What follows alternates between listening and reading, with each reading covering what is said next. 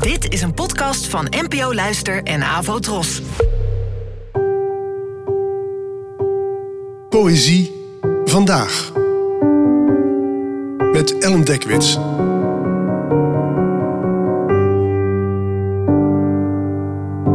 Hallo, fijn dat je luistert.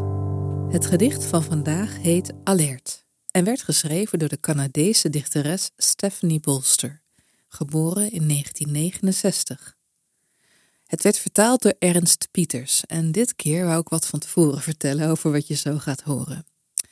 In dit gedicht wordt dat ene griezelige moment geschetst waarop je als ouder of opvoeder even niet meer weet waar je kind is.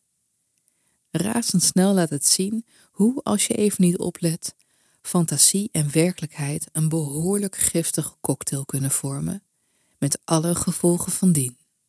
Hier komt het. Alert. Toen ze niet in het zand was en niet op de glijbaan en nergens, begon er een film waarin alles eindigde. Een auto reed weg van de parkeerplaats en het was te laat, alles al voorbij, terwijl we aan het praten waren. De meisjes van mijn vriendinnen nabij, zandbekers makend met hun vingers tot waar? Ondertussen was er niemand die keek, die opmerkte dat ik mijn ogen niet op haar had, een uitval deed om haar hand te grijpen en haar meenam. Ze liep langs de fonteinen, de zandbak, de visglijbaan, helemaal naar de rode tunnel.